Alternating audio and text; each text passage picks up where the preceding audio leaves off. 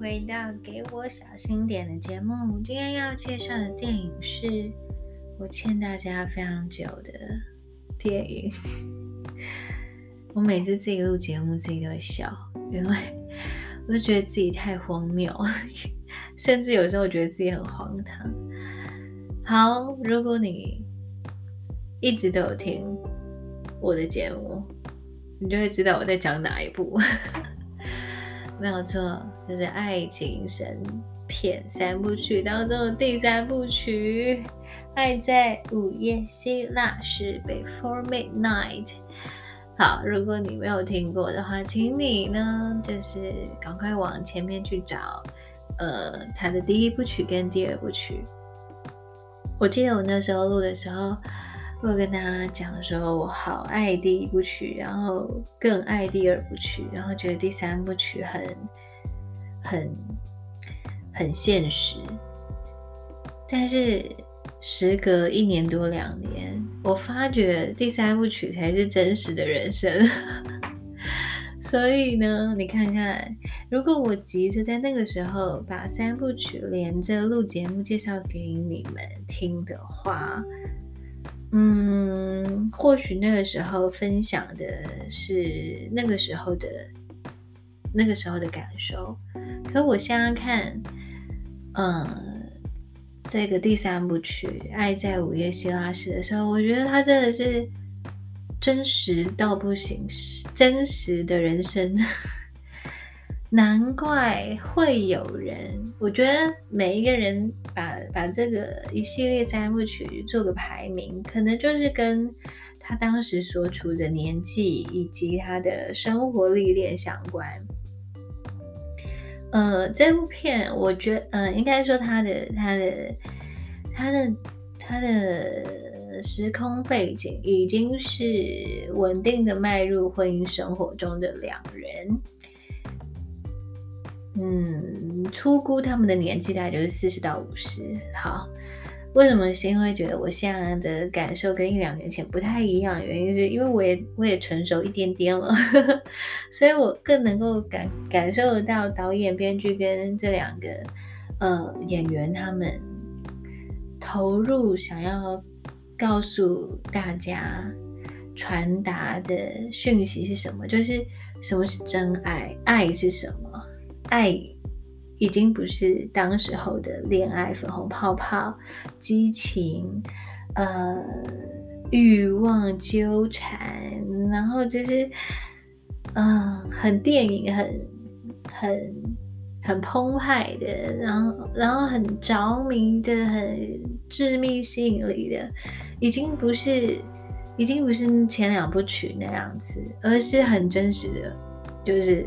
每一天的日常生活就是我们的生活，每一天的争吵跟矛盾跟柴米油盐酱醋茶 就是我们的生活。那这就是我们的日子，我们的爱情，我们的婚姻，我们现阶段的状态就是这么简单。所以现在我才。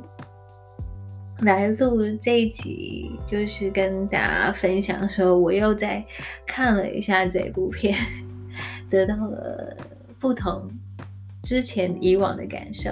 我那时候很愚愚昧，不是很无知的，也不是无知。我那时候的感受力不大啦。我觉得前两部曲，尤其是第二部曲，很吸引我。那也知道，我是一个浪漫的人，也很。很崇崇尚跟憧憬那种电影般的爱情，就是我很渴望的那种爱情，所以所以前两部我才会觉得说它比较合我的胃口，因为第三部实在太真实了，我实在不想要面对那么真实的血淋淋的的的的的所有的一切就摊在我眼前，而且是用电影的方式呈现。然后，所以我就没有那么偏爱他。可是现在细细的来想跟品味，发现说啊，那真的这就是人生啊。那他没有过度的美化，就这样搬上了大荧幕。而且呢，他们谈论的话题跟嗯剧情里面的对白，我觉得都是导演、编剧他们很细细的琢磨，所以之所以是爱情神片三部曲，我觉得当之无愧啊。至少我自己心心里是这样子想。当然，每个人心里觉得的爱情神作不一样，大家都可以丢片单给我，让我去 去抓来看。因为我我自己也有自己的个人取向嘛，大家可以。丢片单给我，然后我有空的话就可以抓来看看。好，所以今天呢就欠你们的，我就来归还一下。嗯，今天让金来稍微讲一下《爱在午夜希腊时》这部片。那如果你没有看过前面的一二部曲，或者是没有听到节目的话，我快速的跟大家呃前情提要好了。那首部曲呢是《爱在黎明破晓时》，那时候在讲的是一个美国男子 J.C.，然后跟一个法国女子 Celine，然后他们在那个火车上聊得很投缘。那反正就是。呃，原本女生要继续坐火车，男生要下车，然后男生就说服了他们，啊，说服了他 哪里本，说服了他下车，然后两人就就在这个 Jesse 要回去美国之前的不到不到二十四小时，就那一晚，他们就在维也纳度一起度过了各个各个角落，然后那个时候他们都是很年轻的。嗯，J.C. 刚经历了一场情伤，所以他们在一路上面，嗯，有维也纳的美景，各个角落，他们谈论着天马行空，谈论着爱、人生种种的话题，好像把这一辈子想要讲的话，呃，全部都在那一页里面全部都讲出来了，发现彼此是那么的不同，却又很。吸引着两个人，就是我不知道大家有没有过有没有过这种感受，就你你就像是你们就像是两个人就像是磁铁一般的正负极相吸，这样咻就这样吸起来，咻吸起来。我觉得他们俩，嗯，想，嗯，导演跟编剧想要说的就是这么这么。嗯，不一样的两个人，想法啊、个性啊等等的两个人就相互着吸引，然后度过浪漫的。我觉得那真的很浪漫，可以一直聊天，一直讲，而且就是很有内容跟深度的探讨彼此的感情观、价值观、生命等等等等的，就在那一页。那后来呢，他们就。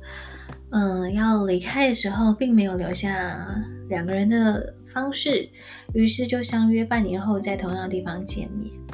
好，所以这是第一部曲的结尾，留了一个开放式的结局。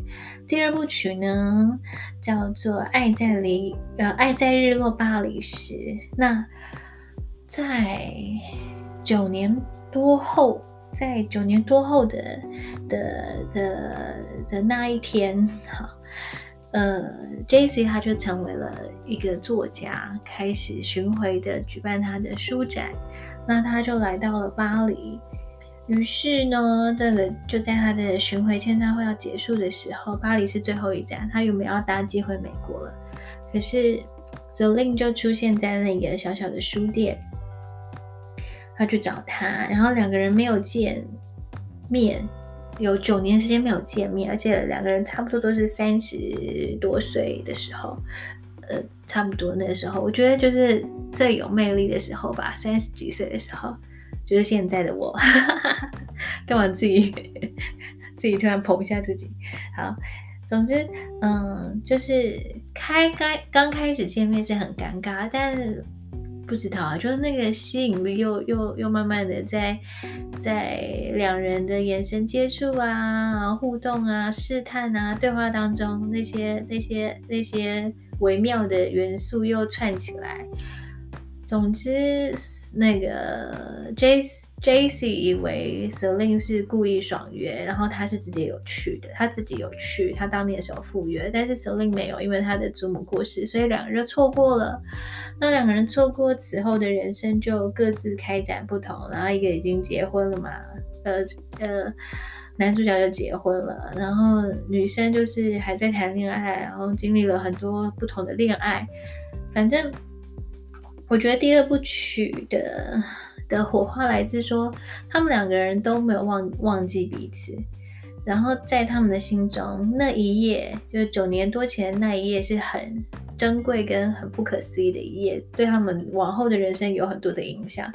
如果他们两个那那一那一半年后在火车站相遇，或许他们就会开启不一样的不一样的爱情故事，或许是美好的，或许是更更更更悲惨的，也不一定。但是第二季的最后，总之呢。总之，Jesse 就留下来了，因为他原本要去赶赶飞机的嘛，但是他就留下来了。那我觉得第二部曲真的很好看，反正你们就去看就对了。好，第三部曲就今天要介绍的是，嗯，是他们结婚之后的生活。那他们结婚之后的生活里面有非常多的吵架的桥段。有很多的问题啦。第一个是一开始片头，Jesse 是送他的儿子回去，因为他离婚了嘛。因为他后来选择了 Selin，他离婚了，所以儿子跟他前妻就在美国，那他跟 Selin 就在就在法国，就没有在美国生活，所以他对于他的儿子充满着愧疚，因为他没有办法陪伴他成长，然后只能够。呃，假期的时候相聚，所以这就是有一个他们不断会争吵的原因，就是有有他的儿子的问题，然后再来就是 Selin 他有生了两个女儿，双胞胎吧，还是反正就是他们也有小孩，那小孩的成长啊，小孩的教育啊，以及每一次那个 Jesse 的儿子怎么样怎么样的。嗯，他就会有愧疚感，然后也会有所埋怨，觉得他好像，嗯，不得不选择搬离了美国的那种生活，加上，嗯，反正就是前妻啊、孩子啊、沟通啊等等，就在就在电影的一开始就会，呃，就一直不断的上演这些矛盾跟争执、生气这样。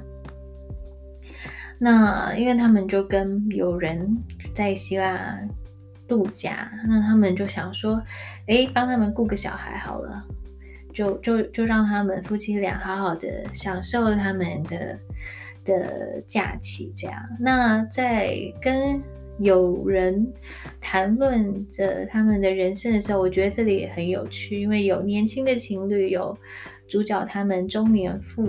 呃，夫妇，然后以及有老老年的伴侣跟呃，就是就是在那个餐桌上面的对话，我觉得也颇有深意的。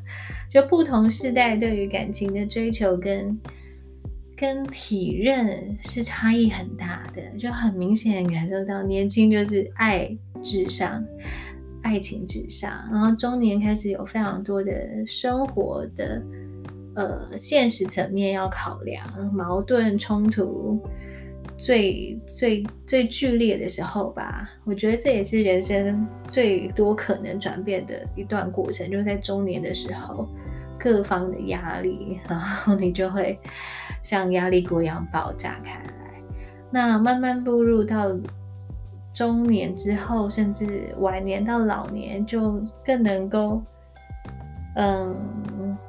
了解到，就是牵手不易，携手更难，然后要共度余生，甚至到老伴的离去，就是就是在那一个餐桌的交谈上，你就可以看到，嗯，不同阶段的年龄对于爱跟关系的解读。我觉得那是一场还蛮好看的桥段啊。对我来讲，他们只是在三言两语的的的交谈，可是。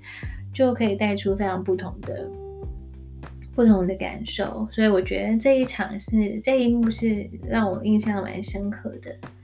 那后来呢，他们两个夫妻就想要嗯燃起彼此当年的那个那个欲望啊，然后言谈当中时而挑逗，时而逗趣、时而搞笑，但是又尖酸刻薄的嘲讽。就是你已经在一起很久了，你没有办法在那边撩来撩去，你一定又会揶揄来揶揄去，酸来酸去，所以就会导致两个人都不开心。然后提到了一些旧伤口啊，比如说身材啊、魅力啊，甚至是 s e l i n 以前是小三的原罪啊，然后让他们就是让 Jessie 跟他的儿子分开啊，愧疚等等，就是明明朋友们是要给他们两个制造浪漫的一个最后一晚，在希腊最后一晚，那两个人就是一路上就。呃，针锋相对，你来我往的，谁也不让谁。后来，后来到了饭店的房间里面，那个争吵越来越越来越激烈。好，当然，当然他们也有想要那个恩爱一下，就恩爱一下。可是就是会，那突然突然的又拉回了现实的争吵。那我觉得真的非常写实，哎。就是，就是，我在想说，天哪，怎么办？中年以后的人生就这样吗？实在有点可怕。那可怕就是，哇，完全也不是说没有爱情了，就是那也是一种爱。可是，可是那种粉红泡泡啊，干干柴烈火的爱嘞。然后我我每次看到那些真实的画面争吵，我都会觉得。直冒冷汗，想说啊，那大家都这样吗？会不会有例外？我会不会是个例外？我我我一定要经历过这些事情吗？我会觉得有点恐怖，就像是听到人家生孩子的惨惨状，你就会很害怕那种感觉。好了，我用这比喻真的很很不好啊，但是就有那种那种心理上面的压力跟阴影，不知道会不会就像是电影演的那样，有点担心这样。但是他们反正就是。吵得非常非常的激烈哦，非常非常的激烈。那我我看的时候会觉得说，我看的时候会会真的很担心，最后的爱情明明是那么相爱的，那么吸引彼此的，会不会最后磨准的只有厌恶跟憎恨对方？就是你看我付出了多少，然后你看我牺牲了多少，你看我的青春岁月，你看我的工作事业，就好可怕哦。好啦，那我也不是要强调它的可怕，我就觉得这是实在真实到不行。大概呃，好吧，经历过的人应该就就能够知道 这部片在讲什么，还没经历过的人就只能只能只能揣揣测一下，或者直接想象一下。那后来要怎么样把把这个这个一直不断争吵的的的的感情拉回来呢？后来啊司令就赌气嘛，赌气就跑到外面去，然后坐在那边生闷气。那 Jesse 他就想办法要去逗他，但是他又那个，唉，应该是老公主吧，公主病又又又不领情，因为。因为 Selin 她就是一个天性浪漫的人，不是说她是 法国女人或不是法国女人，就对她来讲，爱情、感情那种，是她还是希望可以有有那样子的粉红泡泡吧，激情也好，然后还是觉得可以让另外一半人让自己觉得自己还是有魅力的，即便她的青春年华不在了，那。Jesse 的想法是，我觉得啦，他也是尽力的在工作维系这个家，那他也很努力的想要逗他开心。那他讲了一个很很，我我记得他的对白里面，我不太记得他原文，他的对白就意思就是说，你要那些粉红泡泡，那些恋爱是不可能的。他说什么是爱情？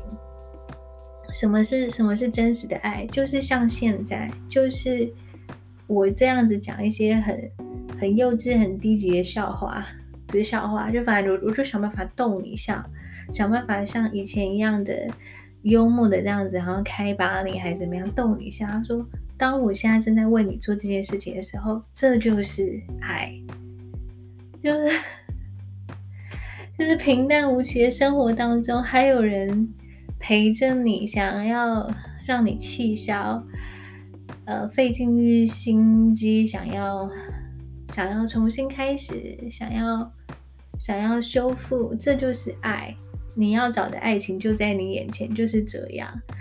然后最后他们两个又又好像可以开始好好的谈话，又从又从又恢复了你一言我一语的的对谈。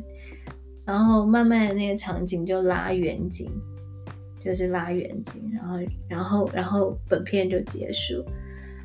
所以整场。整场戏里面很激烈的不是 他们那个恩爱情欲的部分，那根本就没有，就是他们激烈的争吵，很真实的接对方的伤痛或者是丑陋的那一面，让我看完之后就是就是觉得啊，好吧，这可能未来的未来的未来的未来大家都遇到吧。我我希望我不要啦，我希望我我我觉得我应该也跟 Selin 一样，还是还是希望是那种爱情啊，梦幻泡泡存在在真实生活当中，不要只有柴米油盐酱醋茶。我觉得那样会好可怕。我还是希望，就是感情到了最后，呃，他不能够升华只有家人，他还是要有一些。有一些其他的那种爱呀、激情等等的等等的元素存在，要不然我我真的会觉得还蛮……